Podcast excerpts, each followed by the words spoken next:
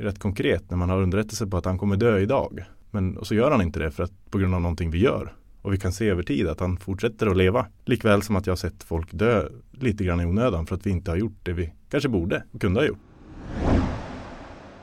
Du lyssnar på Socialtjänstpodden. Idag pratar vi om nyrekrytering till kriminella gäng och avhopparverksamhet. Vem är jag till för som socialarbetare? Står jag på den svaga sida? Står jag på maktens sida? Min kompis sa att om man snackar med SOS så tar de barnen. Att spara pengar till statskassan genom att utförsäkra en massa människor. Då biter man sig själv i svansen till slut. Och det är väldigt viktigt för Sverige att socionomer vill arbeta i socialtjänsten. De vill ha en socialtjänst där socialsekreterarna är stolta över sitt jobb. Jobbar du med socialt arbete? Håll dig uppdaterad inom forskning och praktik med tidningen Socionomen, Sveriges ledande tidning för socialt arbete och psykoterapi. Hej och välkommen till Socialtjänstpodden. Podden för dig som är intresserad av socialt arbete och socialpolitik och som görs av Akademikerförbundet SSR. Idag ska vi prata om hur man förebygger nyrekrytering till kriminella nätverk och avhopparverksamhet med Jörgen Larsson, före detta polis och numera forsknings och utvecklingsledare på FoU Nordväst som är ett kunskapscentrum för socialtjänsten i sju nordvästkommuner i Stockholm. Välkommen! Tack! Du har själv jobbat gentemot personer i kriminella nätverk i din roll som polis och med något som kallas trefas. Vad innebär det? Ja, trefas är en eh, förstärkt samverkan mellan polis, socialtjänst och kriminalvård med fokus att minska det dödliga våldet då i Järva. Och eh, ja, men där har jag jobbat med just den här målgruppen då utifrån både nyrekrytering och avhopparaspekten. Dels i att bygga den här samverkansstrukturen mellan parterna men sen mitt operativa ansvar har varit att kartlägga vilka som skjuter ihjäl varandra och kommer skjuta ihjäl varandra inom kort. Och så jobba nära dem, både med motivation men också försöka lära känna dem för att veta vad som driver dem.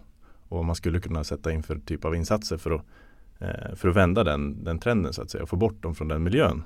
Och det är både då repressiva verktyg och stödjande verktyg i och med att man kan låsa in dem med, med ändra verktygslåda eller så kan man lägga på hårdare bevakning eller så kan man jobba med stöd. Så att eh, det, det handlar om individuella handlingsplaner mot, eh, mot ett antal individer egentligen i, i konfliktmiljö. Vad såg du den rollen brast i samhällets stöd för att hjälpa den här målgruppen?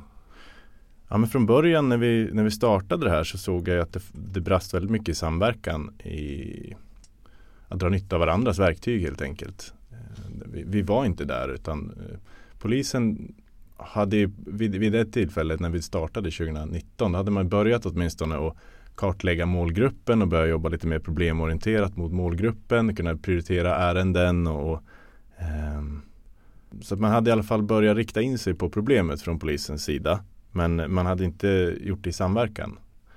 Eh, och så sen har man ju då socialtjänsten som, som stod kvar ganska mycket i sin linjeorganisation och jobbade utifrån sina ärenden Ehm, och, och likadant eh, frivården då i det fallet från, från kriminalvården som hade sitt uppdrag och som eh, jobbar med målgruppen men som kanske inte riktigt hade insyn i den här målgruppen då som, som var problemet ute på gatan. Där hade kanske inte frivården tillgång till den, den kunskapen och den lägesbilden som, som vi såg ute på gatan ifrån, från polisens sida. Så att det fanns en massa förbättringspotential upptäckte vi som vi försökte angripa längs vägens gång i, i EM3-fas. Och ja, men det blir det blir på något sätt eh, väldigt konkret i att jobba med den, den målgruppen på, på ett speciellt sätt. Att eh, det faktiskt spelar roll på liv och död. För det är allt för många av dem jag har jobbat med som har dött eh, under den, den tiden som vi har jobbat. Och då har jag jobbat väldigt nära dem. Eh, och också liksom i rollen som polis så, så står du där på, på mordplatsen också. och Ser den här killen med skotthål i ryggen och, och ser de här förskräckta föräldrarna. Eh, så att det blir väldigt Det blir väldigt konkret och påtagligt om man lyckas eller inte. så. Och det har, eh, det har ju format mig och skapat en form av engagemang i frågan. För jag har sett hur vi har lyckats rädda liv på folk. Det är rätt konkret när man har underrättelse på att han kommer dö idag. Men och så gör han inte det för att på grund av någonting vi gör. Och vi kan se över tid att han fortsätter att leva. Likväl som att jag har sett folk dö lite grann i onödan för att vi inte har gjort det vi kanske borde och kunde ha gjort. Och det kan vara, det behöver inte vara de allra största sakerna utan det kan vara saker i det lilla. Som man skulle kunna göra lite annorlunda, skruva lite på, på saker och ting. Så, så, så kan man faktiskt rädda liv i den här målgruppen. Har de kriminella nätverken förändrats över tid? Och hur ser det ut idag egentligen? Ja men definitivt. De har ju funnits länge, kriminella nätverk. Det är ingen ny företeelse i sig. Eh, men det vi har sett på senare år eh, och som liksom kulminerar nu i, i de här unga kontraktsmördarna som till synes helt utan motiv är beredda att skjuta ihjäl en annan människa.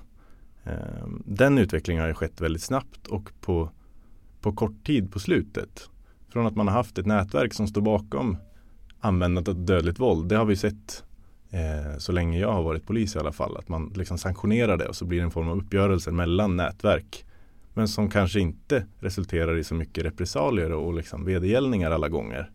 Det kan vara ganska kontrollerat och ganska, jag menar, om man säger snyggt skött. Då. Till att det nu är unga individer som tar allt mer plats i de här nätverken. De kliver fram och använder våldet, det blir som ett kommunikationsmedel i, i miljön. Där de unga är men mera gränslösa och mera, alltså mindre konsekvenstänkande i förhållande till våldet så. Och bara kliver fram och, och, och skjuter ihjäl folk.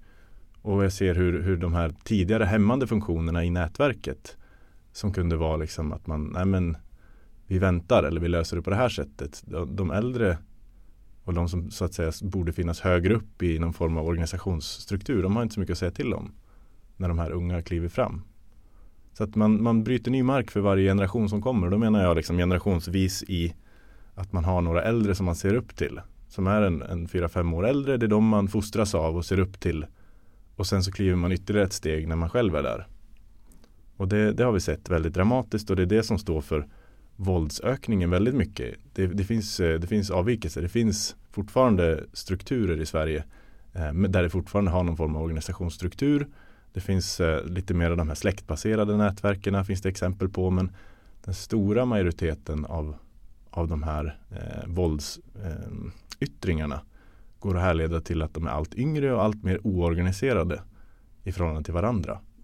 Att det liksom handlar om enskilda individer och, och de människorna som finns i dennes direkta närhet som har en påverkan på den här individen.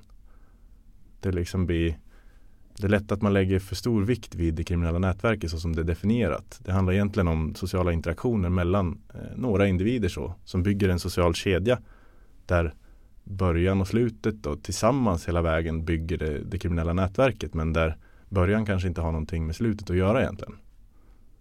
Så att eh, det, det blir väldigt viktigt att titta på individerna i det här. För att när vi tittade på de här gäng Alltså när vi hade de glasögonen då, då förstod vi inte ibland. Hur hänger det här ihop? De här är ju på samma sida. Eller de, alltså, det, kan vara, det kan vara förvirrande. Då måste man gå in mer i detalj på, på individnivå och se hur ser banden ut mellan individer. Eh, och det är det vi ser allt mer. Eh, vi har sett det i Järva sedan ja, fyra år tillbaka i alla fall. Och nu börjar vi se det runt om i landet hur, hur den typen av trend sprider sig. Då. De är äldre som du pratar om, finns de kvar eller har de klivit ur den här världen? Både och. Det blir ju påtryckningar på att vissa av dem lämnar och, och kliver in i avhopparprogram eller hittar andra sätt att lämna. Medan andra hänger kvar för att man, man, det är det man kan och man försöker fortfarande livnära sig på, på kriminalitet och använda sig av rykten och sådär. Men då får man så glatt liksom se på. Antingen, antingen ge tummen upp och, och bara stötta Eh, eller så får man bara försöka hålla sig på, på sidan av liksom, och försöka ägna sig åt sin, sin verksamhet. Och den kan ju vara lite mer avancerad då. Och det är ingenting som de här unga är in, särskilt intresserade av att ge sig in i. Utan de är intresserade av våldet och makten i det. Eh, och då kan de lämna de äldre åt att fortsätta med sin så att säga eh, ekonomiska brottslighet.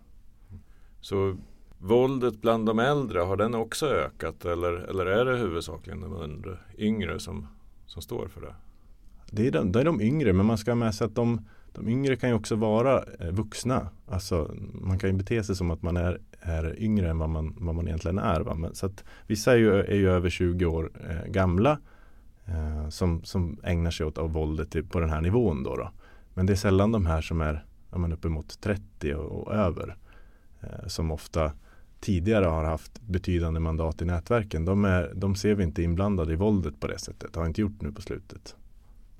Du har ju skrivit en rapport med titeln Att förebygga rekrytering till kriminella nätverk och att utarbeta stöd till avhoppare som släpptes i den 10 mars. Här. Mm. Vilka gemensamma faktorer finns det hos de individer som riskerar att rekryteras till kriminella nätverk? Som helt enkelt gör dem sårbara. Mm. Ja, men det går att titta på det på olika sätt. Det finns ju lite mer generella riskfaktorer där antalet är, är viktigt. Ju fler riskfaktorer hos en individ desto större risk att man rekryteras in till kriminellt nätverk. Eh, och då kan man prata om, om eh, faktorer som har ganska lågt förklaringsvärde i sig men som tillsammans då skapar en sårbarhet. Så det är på den generella nivån så, så kan det vara liksom socioekonomisk status i, i, i för hemförhållandena och eh, ja, men det kan vara integrationsfrågor. Och, men, men om man tittar lite mera specifikt på, på målgruppen så, så finns det starkare förklaringsvärden i att titta på individens tankemönster eller attityder och värderingar i förhållande till det här eh, problemet om man så säger och i slutändan till, till att skjuta ihjäl en annan människa. Hur man förhåller sig till det. Som ibland eh, kallas för regelefterlevnad och sådär. Hur man, eh, hur man ser på, på normer och värderingar. Eh, där, där skiftar det ganska kraftigt eh, när man kommer att titta på de här målgrupperna. Och sen har man ju då såklart kontexten i att det är ett avgränsat problem. Att det, det är sprunget ur en typ av bostadsområden om de, om de inte är eh, definierade som utsatta områden så, så bär de i alla fall liknande karaktäristika. Det, det är särskilda bostadsområden eller adresser runt om i, i, städerna som, som får den här typen av problem. Och kontexten blir ju viktig då utifrån att det är där också som de fostras in i det. Att det, nätverket finns där ute på i den naturliga levnadsmiljön för de här ungdomarna så att man behöver förhålla sig till de här nätverken och den blir väldigt eh, påtaglig för, för de som lever och växer upp i den här miljön. Det innebär inte att alla dras in men, men kombinationen där i vilka som är, har en högre sårbarhet från början och eh, kanske varierande då, regelefterlevnad kan lockas mer eller mindre av det här nätverket. Så det blir en interaktion mellan, mellan attityderna och värderingarna och kontexten där som får en väldigt, väldigt stor betydelse. Och så kan man liksom zooma in det ännu mer och titta på Eh, självkontroll eh, är viktigt, impulskontroll. Tidigare var det eh, inte lika värdefullt att ha i den här miljön i och med att det fanns hämmande funktioner. Det fanns ett nätverk som stod bakom och skulle sanktionera. Då var det inte alltid jättepopulärt att vara impulsiv och skjuta ihjäl någon bara för att man blev förolämpad. Men idag så får man väldigt mycket makt och mandat genom ett sådant handlande. Så att självkontrollen har på något sätt blivit mera accepterad i miljön eller fått, fått mera utrymme. Eh, en bristande sån då. Då kan man tänka sig att det, man går in på mer diagnostiserbara begränsningar hos individerna. Man ska säga. Eh, och ja, men även eh, antisociala drag. Som på något sätt, det finns en interaktion där också i kontexten. Vad skapar, vad är hönan och ägget i det? Eh, var man antisocial från början, alltså från hemförhållandena, eller kommer det i den kontexten där man så att säga fostras efter att föräldrarnas påverkan har, har minskat till förmån för umgängets eh, påverkan för, för den individuella utvecklingen. Är det där då man skapar den här typen av antisociala drag som vi ser hos många? Så att från, från nätverkens perspektiv så finns det några profiler som är särskilt särskilt attraktiva, man ska säga. De som är, som är beredda att göra saker, liksom som är övertalbara, det kan man prata om, om lågbegåvning kanske, att man inte riktigt förstår konsekvenserna så. Man är lätt att övertala. Eh, de här impulsiva som är lätt att använda våld kan ju ha sin, sin funktion i, i den här miljön. Och så de, de som är som har ett socialt kapital i sin omgivning. Alltså då kan det vara unga skolpojkar som, som på något sätt, den här populära killen. Men som har liksom en, en ofta finns det i bakgrunden antisociala drag, en manipulation. Att man, man ser till att saker händer. Man kan på ytan se väldigt, väldigt trevlig och städad ut och vara socialt kapabel. Men, men eh, om man gräver lite djupare så ser man att det finns manipulativa drag där. Att man är en sån som får saker att hända. och som då också har en påverkan på, på väldigt många runt omkring sig. Då kan ju nätverket, om man tänker att det finns ett rekryteringssyfte, så kan man ju med och rekrytera den individen kan man ju få med sig många andra på köpet. Man behöver fylla på så att säga. Och den, den individen med det här kapitalet har ju oftast en handlingskraftighet i sig själv på något sätt som också är attraktivt för nätverken att utnyttja. Ser man att det kommer in individer från andra typer av områden eh, som inte är utsatta som, som hamnar i de här gängen idag? Eller, eller är rekryteringsbasen huvudsakligen i de utsatta områdena? Det är huvudsakligen i de här utsatta områdena. Men sen ser man de som då från sidan glider in. Av någon anledning så har man en beröringspunkt hit till den kontexten. Och då kan man dras in även från ett, eh, om man säger i övrigt, eh, socioekonomiskt eh, bättre eh, ställt område kanske. Eh, det kan vara lite en annan målgrupp. Men det går oftast att, spåra riskfaktorer och i förhållande till, till skyddsfaktorer även i de individfallen. Och så finns det på något sätt en beröringspunkt. Någonstans sker det ju en kontakt med det kriminella nätverket. Som gör att man får den här vägen in och att man, man på något sätt påverkas av, av de här normerna och värderingarna. De är ju de är ute där i det öppna. Det är ju det folk i ungdomsgenerationen lyssnar på. Det är den musiken man lyssnar på. Man följer händelseutvecklingarna i de här områdena kring, kring våldet. Eh, man, man delar de här liksom kriminella attributen, hur man klär sig, hur man ibland pratar. Så att eh, normerna och värderingarna på något sätt är ju utbredda i, i någon mån i alla fall i, i stort i ungdomsgenerationen. Men för gemene ungdom som växer upp med skyddsfaktorer och med distans till det här så leder inte det till, till att de blir kontraktsmördare eller kliver in i det kriminella nätverket. Utan det är några få som inte har den här distansen och filtret och inte har de här andra referensramarna. Det är de som påverkas av just de här normerna och värderingarna. Eh, och som inte har, ser någon annan väg utan det är det som är det är det som värdesätts. Mm. Hur går nyrekrytering till då? Ja men det finns, det finns olika former. Det kan vara, man pratar ofta om insocialisering istället för rekrytering. För det är ganska sällan det är tal om någon som så att säga rekryterar in eh, människor. Utan många gånger är det insocialisering utifrån att man, man glider in helt enkelt. Man delar de här attityderna och värderingarna. Man lever nära den kontexten och man bara glider in genom kanske någon äldre eh, släkting eller granne eller, eller via de liksom umgängeskretsar man har från, från jämnåriga. Så glider en hel liksom, generation in kanske i det. Så man ska inte tänka att gängen aktivt rekryterar unga personer på det sättet som det ibland beskrivs i media? Så. Eh, jag tror att man, man ska inte övertolka det. Det finns, det förekommer också. Om gängen har någon form av organisationsstruktur och, och gemensamma mål och, och, och, värderingar, vilket vissa har, då finns det ju såklart ett värde i att, att fylla på med yngre. Eh, men det, det, är inte alla som gör det på det sättet. Eh, det, det förekommer och då kan man prata om om eh, liksom så här, tvångsrekrytering eller om lite mer så här, frivillig rekrytering. Att man lockar med saker, man får åka med, man får vara med. Man säljer in livet på något sätt. Eller också att man så att säga, tvingar in folk eh, genom att hota om saker. Eller, eh, ja. och, och oftast kan det vara ett Flera av de här var, var, aktuella under en så att säga, rekryteringsprocess eller kriminaliseringsprocess på vägen in så är det flera av de här delarna som är aktuella.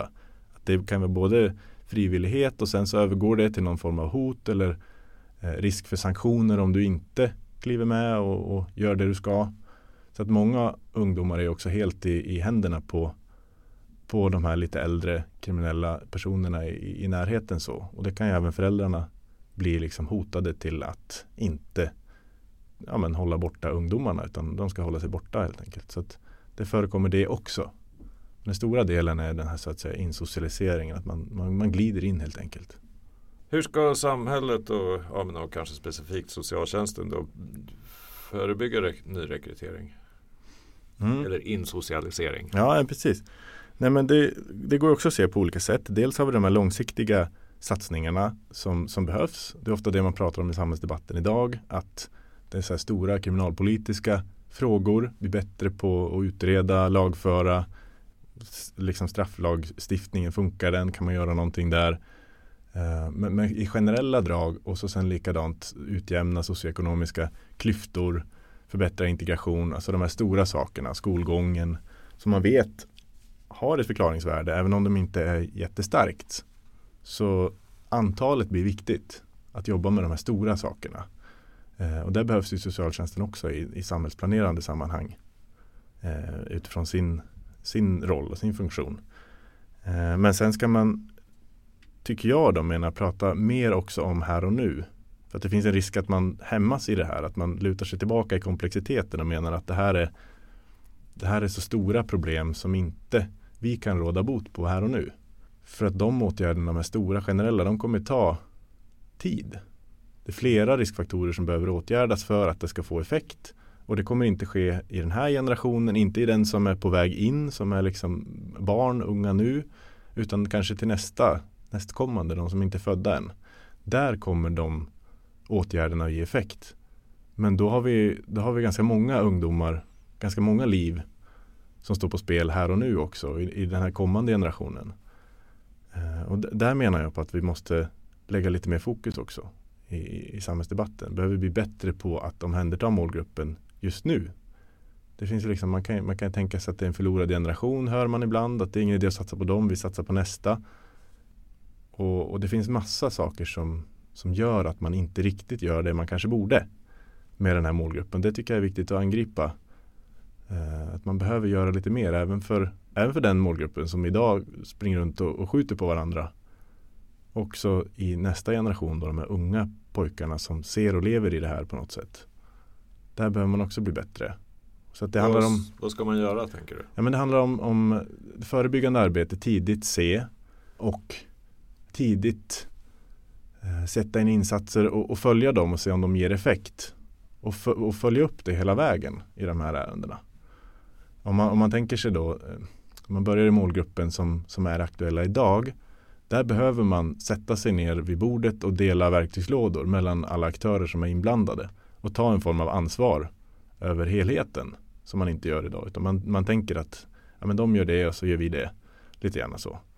Eh, där finns det jättemycket nytta att dra av varandras verktygslådor. Polisen har jättegod kunskap om kontexten. För där, där, där lever man och, och får inflöde dagligen i underrättelser, i, i spaningar från, från eh, området, lokalpolisen som är ute på, på gatorna och pratar med folk. Man har telefontömningar, utredningar. Det finns jättemycket informationsflöde om kontexten och kunskap om den. Men polisen är, har ju inte verktygen för att lösa problemet riktigt utan man kan ju låsa in och, och sopa under mattan och punktmarkera och hitta på saker. Det är socialtjänsten på något sätt som har helhetsbilden och har verktygen för att göra en förändring. Och det handlar om det, det motiverande arbetet primärt där man är bättre rustad och jobbar motiverande och att jobba med stöd och Eh, behandlingsaspekterna så småningom när man har nått dit. Att man kan börja behandla de här attityderna och värderingarna, tankemönstren eh, som, som så att säga är en, en stor grund till, till beteendet, varför det, varför det blir så här. Och, och så sen ja men, eh, den generationen som, som kommer då behöver man vara på tå och behöver kunna differentiera. För det finns ju ungdomar med riskfaktorer som man utreder. Det, det ligger ju liksom högvis med ärenden som kommer till socialtjänsten. Men majoriteten av dem blir ju inte den här målgruppen. De blir inte kontraktsmördare. Hur blir man bättre på att differentiera då i förhållande till det här problemet? Där kommer det in då som det här liksom sällanärende problematiken. Att, men ska vi, det här är ett ärende som kommer nu. Eh, det, det, blir ju inte prioriterat på det sättet som det behöver riktigt. Eh, man behöver följa då den händelseutvecklingen väldigt noggrant och se vad är det som talar för att det här kommer bli en, en kontraktsmördare och inte. Och så behöver man göra lite annorlunda med den målgruppen än vad man har gjort tidigare bevisligen. För att det, det funkar inte riktigt. Mer koll på risk och skyddsfaktorer tidigare tänker du och sen Ja, och, och mer konsekvent med dem. Ja, och, och, och djup, mer djupgående kring kriminaliteten och kring kontexten som för socialtjänsten är riskfaktorer men som en i mängden av alla andra. Man jobbar ju med helheten och man är ju, eh, utbildad väldigt generellt så för att, för att jobba med, med individer. Och då, då kanske man inte lägger tillräckligt stor vikt vid de här tankemönstren hos individen för att undersöka här hur, hur pass långt gången är den här individen i sin kriminaliseringsprocess i tankemönster och attityder och värderingar. Likaväl som, som kontexten. Hur stark påverkan har kontexten? kanske inte går att jobba med individen själv så. Det spelar ingen roll vad vi från samhällets sida gör för den här individen så kommer det inte gå att vända den här utvecklingen för det har gått för långt eller dragningskrafterna är för starka in i det andra. Lösningen kanske istället ligger på andra sidan. Finns det en, en äldre släkting som är huvudingången och som är den som drar starkast kanske? Eller är det någon, någon nära vän som är den som, som har det här inflytandet på individen? Kanske är där man ska jobba då. Och där är inte socialtjänsten idag. Att man, att man tar ett helhetsgrepp kring problemet och kan kliva ur sitt individärende och titta på finns det något annat vi kan göra? Mm. Kan polisen låsa in han som, som rekryterar den här individen istället? Eller ja, man kan tänka en, ett lösningsfokus och eh, tänka lite kreativt kanske. Vi har ju varit inne lite på det nu men kan du säga något mer om processen när ett barn går från ja, men kanske ett mindre normbrytande beteende till gängkriminell och begår jätteallvarliga grova brott? Eh, jag tänker att det här kan ju inte gå över en natt. Du pratar om en insocialiseringsprocess. Så, men mm. vad, vad, får ett barn som begår mindre brott till att, att ett år senare eller två eh, faktiskt skjuta någon? Mm. Ja, man kan jämföra med, med liksom radikalisering eller hjärntvätt nästan in, utifrån de här normerna och värderingarna som värdesätts. Det blir ju en, den här liksom positiv förstärkan är ju det som fostrar individerna. När man så att säga övergår till att det är umgänget som, som skapar identiteten. I det så, så fostras man in i ett, ett avvikande norm och, och värderingssystem som, som kanske vi från det konventionella samhället inte förstår och inte riktigt ser heller fullt ut för att vi inte kan förstå det. Eh, det är där man fostras och det är det som blir betydelsefullt och det matas man med dag och natt via liksom sociala medier och eh, ja, men den fysiska miljön man lever i, det umgänget man har. I skolan i värsta fall kan ju vara en sån miljö där man fortsätter att fostra sådana eh, attityder och värderingar och ja, men positivt förstärka beteenden och, och, och tankemönster som, som så småningom skapar den här, den här liksom synen på, på fienden kanske eller på eh, ja, vad, vad det nu är. Eh, så det, det är det, det sker väldigt snabbt. Det finns ju en tydlig sårbarhet hos individen givetvis. Men utvecklingskurvan går så himla snabbt och det är, det är också lite nytt. Hur ska socialtjänsten kunna möta den, eh, den utvecklingen? Vi, vi pratar liksom inte över en natt men vi pratar att från ena månaden till nästa så kan det ha hänt otroligt mycket.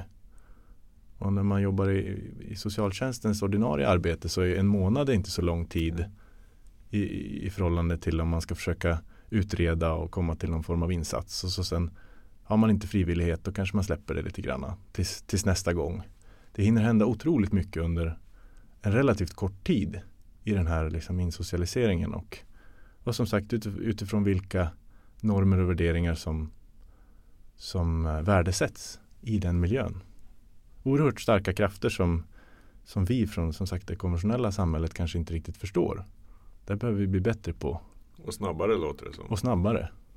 När en individ väl är i ett kriminellt nätverk, eh, hur länge stannar de idag? Du pratar om att de äldre kanske blir att syssla med annat. Så jag tänker, en kortare omloppstid på, under den perioden man är grovt kriminell idag? Eller hur ser det ut? Ja, det finns mig veterligen inga svenska studier på det som, som talar något tydligt språk. Utan det jag har gjort i min rapport är att titta lite internationellt. Och då finns det, det generella siffror på att det ett till två år stannar gemene, eh, gemene man i, i, ett kriminellt nätverk. Då. Det finns några sådana generella siffror. Ja, precis. Och så sen är det några få som stannar längre. Som säger att gå djupare in i, i strukturerna. Um, så att ja, de flesta, och det jag vet inte om den stämmer rakt av i svensk. Då får man titta på, på min erfarenhetsbank i så fall. Men, men det är många som kliver in och ut ur miljön. Och då är det kanske att man inte är, liksom, man får prata om det här med grad av involvering i så fall för att se. Då är man kanske inte en fullvärdig medlem om man ska säga så i de termerna. Vilket inte finns idag riktigt. Utan du kliver in i miljön, eh, du kanske gör grejer en period och så sen kliver du ut. och så gör du någonting annat. Det här är inte, för, för de som växer upp i den här miljön så är det inte konstigare än så. Du hänger med dina kompisar och du gör för dem ganska naturliga grejer. Vilket tyvärr kan vara ganska grova brott eh, en stund. Och sen kommer du på andra tankar och tänker att du ska göra någonting annat. Lite så. Eh, så att eh, de flesta kliver ut och så är det några som blir kvar och som fastnar. Och, och, då får man ha med sig att ju mer man ställer till det, ju mer blod du har på dina händer, desto svårare blir det på något sätt. Du skapar ju hotbilder och du skapar ju eh, större problem för dig själv ju mer du hinner eh, ställa till med i den miljön. Så så det är ju otroligt viktigt om man hinner liksom innan man har varit med i ett mord så har man mycket att vinna. Har du väl varit med vid ett mord då har du helt andra parametrar att förhålla dig till. Mm. Så det finns ju en kurva på när ja, tonåringar är brottsaktiva eh, generellt. Mm. Eh, ja, men de flesta begår ju småbrott. Så. Men det är alltså samma typ av kurva som gäller även för de som är gängkriminella låter det ju som. Mm. Jo, men att det blir en, en peak någonstans runt 14, 15, 16 där. Mm. Och sen eh, absolut. flertalet försvinner då. Det mönstret eh, ser ganska liknande ut däremellan. Åtminstone om man tittar på internationell forskning då, så, så, så är det ungefär samma ålderskategorier man pratar om. När man typiskt sett blir om man eh, ägnar sig åt kriminalitet så är det också då man kliver in i ett kriminellt nätverk. Och så, så kan man tänka sig då att nätverket förstärker. Man, jag kallar det för katalysator. Det har jag hittat ett, ett, ett spännande begrepp i. Att det blir som en katalysator av kriminaliteten. Du kliver in i ett nätverk. Så då får det som en annan en, en snabbare, där vi pratar om snabbheten, och kurvan ser lite annorlunda ut. Men det är ungefär samma ålderskategorier och det är också ungefär samma tid man, man liksom tröttnar på nätverket som man också tröttnar på kriminaliteten och, och, att begå brott. Och man kommer på andra tankar i livet. Det är andra värden som väger över så att säga. Och den livsstilen man har eller kanske vill ha den är inte kompatibel med, med den gamla livsstilen och med kriminaliteten. Så att, ja, men de följer varandra. Vet man något om varför vissa blir kvar och andra inte? Då? Men det, generellt så pratar man om om man delar liksom mål och, och, och, syfte med nätverket så kan man bli starkare involverad i nätverket. så. Vilket, vilket jag menar på, det, det säger emot lite grann av dagens struktur, att det blir mer oorganiserat och man har inte den typen av målsättningar med, med, med nätverket och med den kriminella aktiviteten många gånger. Att, ehm, men, men har man en sån typ av gemenskap i, i det, då kan man stanna längre. Nej, men och sen, sen, är man ju, sen är man ju olika givetvis. Ju mer involverad du blir desto svårare blir det att bryta. Det kan man se generellt i, i forskningen och man behöver också oftare en trigger för att komma på de här andra tankarna.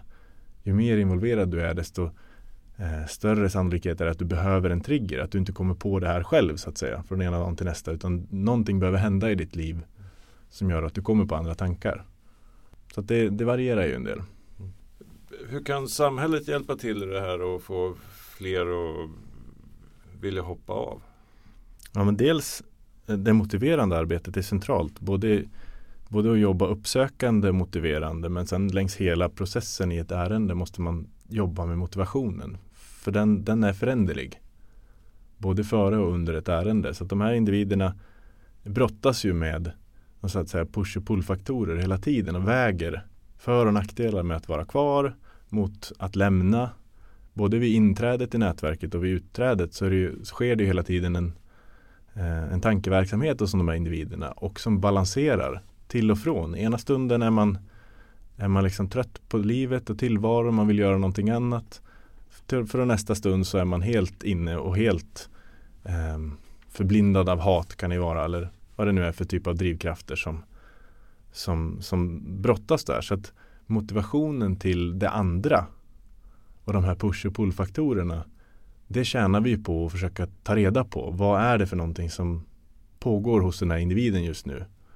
Och hur kan vi jobba med motivationen? Och då får man tänka att man kan vara lite eh, ja, men kreativ i det också. Det här med trigger är ju någonting, det kan ju vara att man blir inlåst eller det kan vara att man det händer någonting i tillvaron. Det skulle man kunna skapa. Om man har en, en lösningsfokuserad inställning så kan ju polisen kanske eller, eller frivården eller egentligen i viss, i viss mån också socialtjänsten skapar den typen av trigger också hos individen i, i de här ytterlighetsfallen där man är så pass insyltad att man inte kommer till den slutsatsen själv. Men oftast är det ett, ett litet, en liten balansgång där man kan vara och peta. Ge, erbjuda stöd i de stunderna där man är mottaglig för det. Men sen också kan man ju jobba med Alltså det finns studier som talar för fördelen i det här med fokuserad avskräckning och, och det som är Group Violence Intervention och som man kör eh, i Sverige nu på olika håll och kanter och som började med Sluta skjut i Malmö. Att man så att säga eh, pushar. Alltså, det är ett sätt att skapa en, en trigger för att, för att förändra de här, den, här, den här balansen i push-pull aspekten. Mm. Så att eh, vara medveten om det och försöka locka med det som redan är pullfaktorer alltså som drar individen mot det, det konventionella samhället och eh, den icke brottsaktiva tillvaron. Försöka stötta med det och, och, och, föreslå det och jobba med det. Vad är det för saker som kan, kan dra ut dem då? Är det jobb och bostad? Och det är ju väldigt individuellt ja. och också beroende på ålder. Som sagt de som, de som är eh, pullfaktorer in i nätverket när man är ung som status och pengar och makt och sådana där saker övergår efter en tid till att bli mera negativ liksom, association till nätverket. Det var inte riktigt vad man hade tänkt sig. Det leder till mer besvär än, än nytta att vara med i det här nätverket eller leva det här livet. Eh, det blir trassligt, man blir traumatiserad, det är jobbigt att och liksom se sig om hela tiden. Rädd för att dö, rädd för att familjemedlemmar ska råka illa ut. Så att det här ehm, det förändras ju och det bör man ju följa också hos individen. Vart är den i sin, sin så att säga process just nu? Vad, är, vad finns det för värden? Och, och sen då när de på något sätt är motiverade i någon mån, ja, men då finns det då kan man tänka sig de här liksom Maslows behovstrappa. Att man behöver tänka trygghet och tak över huvudet och, och sådana saker. Eh, man behöver jobba med motivationen väldigt mycket. Man behöver jobba med relationen eh, som så att säga eh, samhällsföreträdare gentemot målgruppen kan det vara ganska trasslig från början. Så man behöver jobba med, med relationen. Och så sen kan man ju då erbjuda det stödet som faktiskt finns att erbjuda. Man kan tänka bostad, bryta kontexten, komma bort, komma någon annanstans.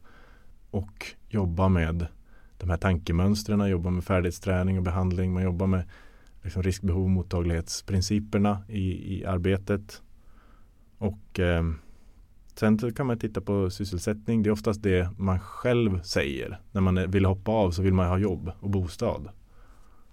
Och då är ju det drivkrafter som man behöver förhålla sig till. Men sen kanske behovet är någonting annat. Om man lägger på den professionella bedömningen så kanske det finns fler saker som man behöver ta tag i också än att bara erbjuda en bostad och, och jobb. Det kanske inte kommer riktigt lösa problemet. Man får tänka att de är, är skadade av ett, ett väldigt eh, traumatiserande och skadligt leverne sedan sen en tid tillbaka. Så det finns väldigt mycket att ta tag i. Som, som samhället kan göra. Och det ligger på socialtjänsten i sitt individansvar och, och jobba med de sakerna. Erbjuda det stödet och tillhandahålla det. Vad ser du behöver förändras inom socialtjänsten? Eh, ja, men även i övriga samhället om man nu ska se för, för att jobba effektivare med, med den här målgruppen. Eh, du har varit inne på att man behöver jobba mer snabbare. Eh, man måste vara mer individinriktad. Och jobba mer intensivt låter det som. Fin, finns det andra delar i det här också? Som, jag menar, resursfrågor? Behöver annan lagstiftning? Mm. Är det något tydligt du kan se sådär som jag har ju valt att fokusera på det som, det som är här och nu väldigt mycket i min rapport. Och det, det jag tittar på, det jag skriver om, så inte så mycket på lagstiftningsfrågan egentligen. För det händer väldigt mycket på nationell håll i, i de delarna. Utan mera på vad kan man göra med, med befintlig lagstiftning och vad, vad skulle man kunna göra ute i, i kommunerna. Jag, jag, trycker på egentligen tre saker som centrala menar jag på för att, för att hantera här och nu frågan. Och det är det organisatoriska och det är kunskapsdelen och så är det samverkan. Det är där, de tre där det brister, där man behöver göra annorlunda. Det som vi gör idag funkar inte. Eh, och Eh, organisationsfrågan, ja det menar jag på som sagt att det blir sällan ärenden hos socialtjänsten. Eh, man har inte möjligheten att jobba då lösningsfokuserat med, med ett, ett problem. Utan man sitter fast i sin organisationsstruktur som är, som är hämmande i förhållande till den här målgruppen. Eh, det beskriver jag lite, lite noggrannare då vad, vad det leder till. Men eh, det leder vidare till kunskapsfrågan. Att så här, socialtjänsten kan inte den här målgruppen. Avhoppare är nya, alltså unga ungdomar med kriminalitet är inte nytt. Men att ha unga kontraktsmördare som, som har så pass skeva normer och värderingar, det är nytt för socialtjänsten. Att kriminaliteten och de liksom tankemönstren och attityderna och värderingarna och kontexten har en så stark roll och påverkan på individerna. Det, det, är nytt för, för socialtjänsten så det är inte konstigt att man inte har kunskapen. Men då menar jag att den, den liksom kontextuella kunskapen finns hos polisen och gällande de här attityderna och värderingarna och tankemönstren så finns den hos kriminalvården eller hos SIS eh, som jobbar med de här dagligen och försöker liksom behandla och, och bearbeta de här tankemönstren. Och även om det är ett nytt fenomen så är det ju deras vardagsärenden så de har hunnit jobba upp en, en kunskap där. Den behöver man kunskapsutjämna. Men, men då är ju en förutsättning att man har en organisation som kan ta hand om den kunskapen. Det går inte att ge till alla medarbetare på socialkontoret utan man behöver ha någon, någon avsättningsyta för den kunskapen menar jag. Då behöver man organisera sig för det. Både att ta emot kunskapen eh, i, teorin men också att omsätta den i praktik och skaffa sig en egen erfarenhet av att jobba med målgruppen.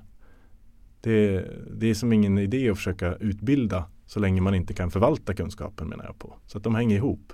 Likväl som att det hänger ihop med samverkan. Att socialtjänsten är ingen vidare bra samverkanspart generellt sett. På grund av de här sakerna. Dels att man inte riktigt är insatt i målgruppen och att man inte är liksom organisatoriskt riktigt lämpad att samverka med. Och det är så olika typer att samverka med till exempel öppenvård och myndighetssidan.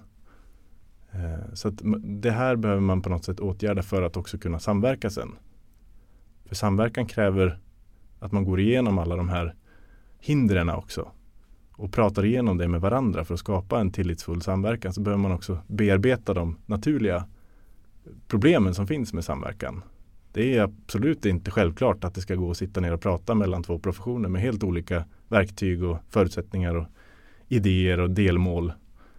Eh, utan det behöver man jobba hårt med och man behöver skapa tillit i relation och, och där, där är vi inte riktigt idag. Att man ger det den tiden och den omtanken i, i samverkan. Ofta pratar man om att samverkan är, eh, vad ska det ge? Det hör jag fortfarande och, och jag hör att så här, jo, men det är väl bra att samverka men jag har inte riktigt tid utöver mina ordinarie arbetsuppgifter. Jag menar att då har man ju brustit någonstans längs vägen i etableringen av samverkan. Då har man inte jobbat med de här inbyggda eh, mekanismerna som hindrar samverkan.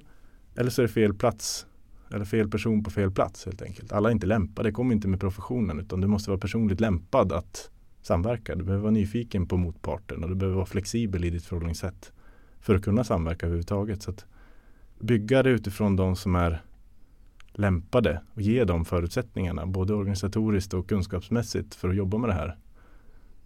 Och jag menar på att det går i och med att det, det liksom, den kunskapen finns. Om man bara kunskapsutjämnar mellan de här aktörerna så, så går det att bli mycket bättre på att jobba här och nu. Det är socialcheferna i nordvästkommunerna i Stockholm som har tagit initiativ till den här rapporten som du har skrivit nu.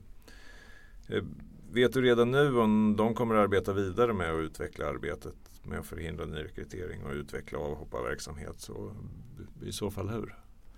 Eh, svaret blir nej på den i och med att de inte har hunnit sätta sig och formulera någon form av beslut. Det, det väntas komma ett möte inom kort och det, det flaggades för det när jag presenterade rapporten så att man skulle försöka eh, sätta ihop ett styrgruppsmöte och prata igenom det här ordentligt. Så att eh, det finns indikationer på att man, man kommer ta tag i saker, försöka jobba med utvecklingsarbete i nordvästkommunerna men det finns ju inget, det finns inget bestämt. Utan, eh, jag hoppas fortfarande på att man tittar på förslagen och tar det till sin egen kontext och ser så här, vad, vad vill vi framåt i? Och så sen beslutar om den typen av utvecklingsarbete. Då. Tack Jörgen för att du kom hit till Socialtjänstpodden. Tack själv. Du har lyssnat till Socialtjänstpodden. Podden för dig som är intresserad av socialt arbete och socialpolitik och som görs av Akademikerförbundet SSR.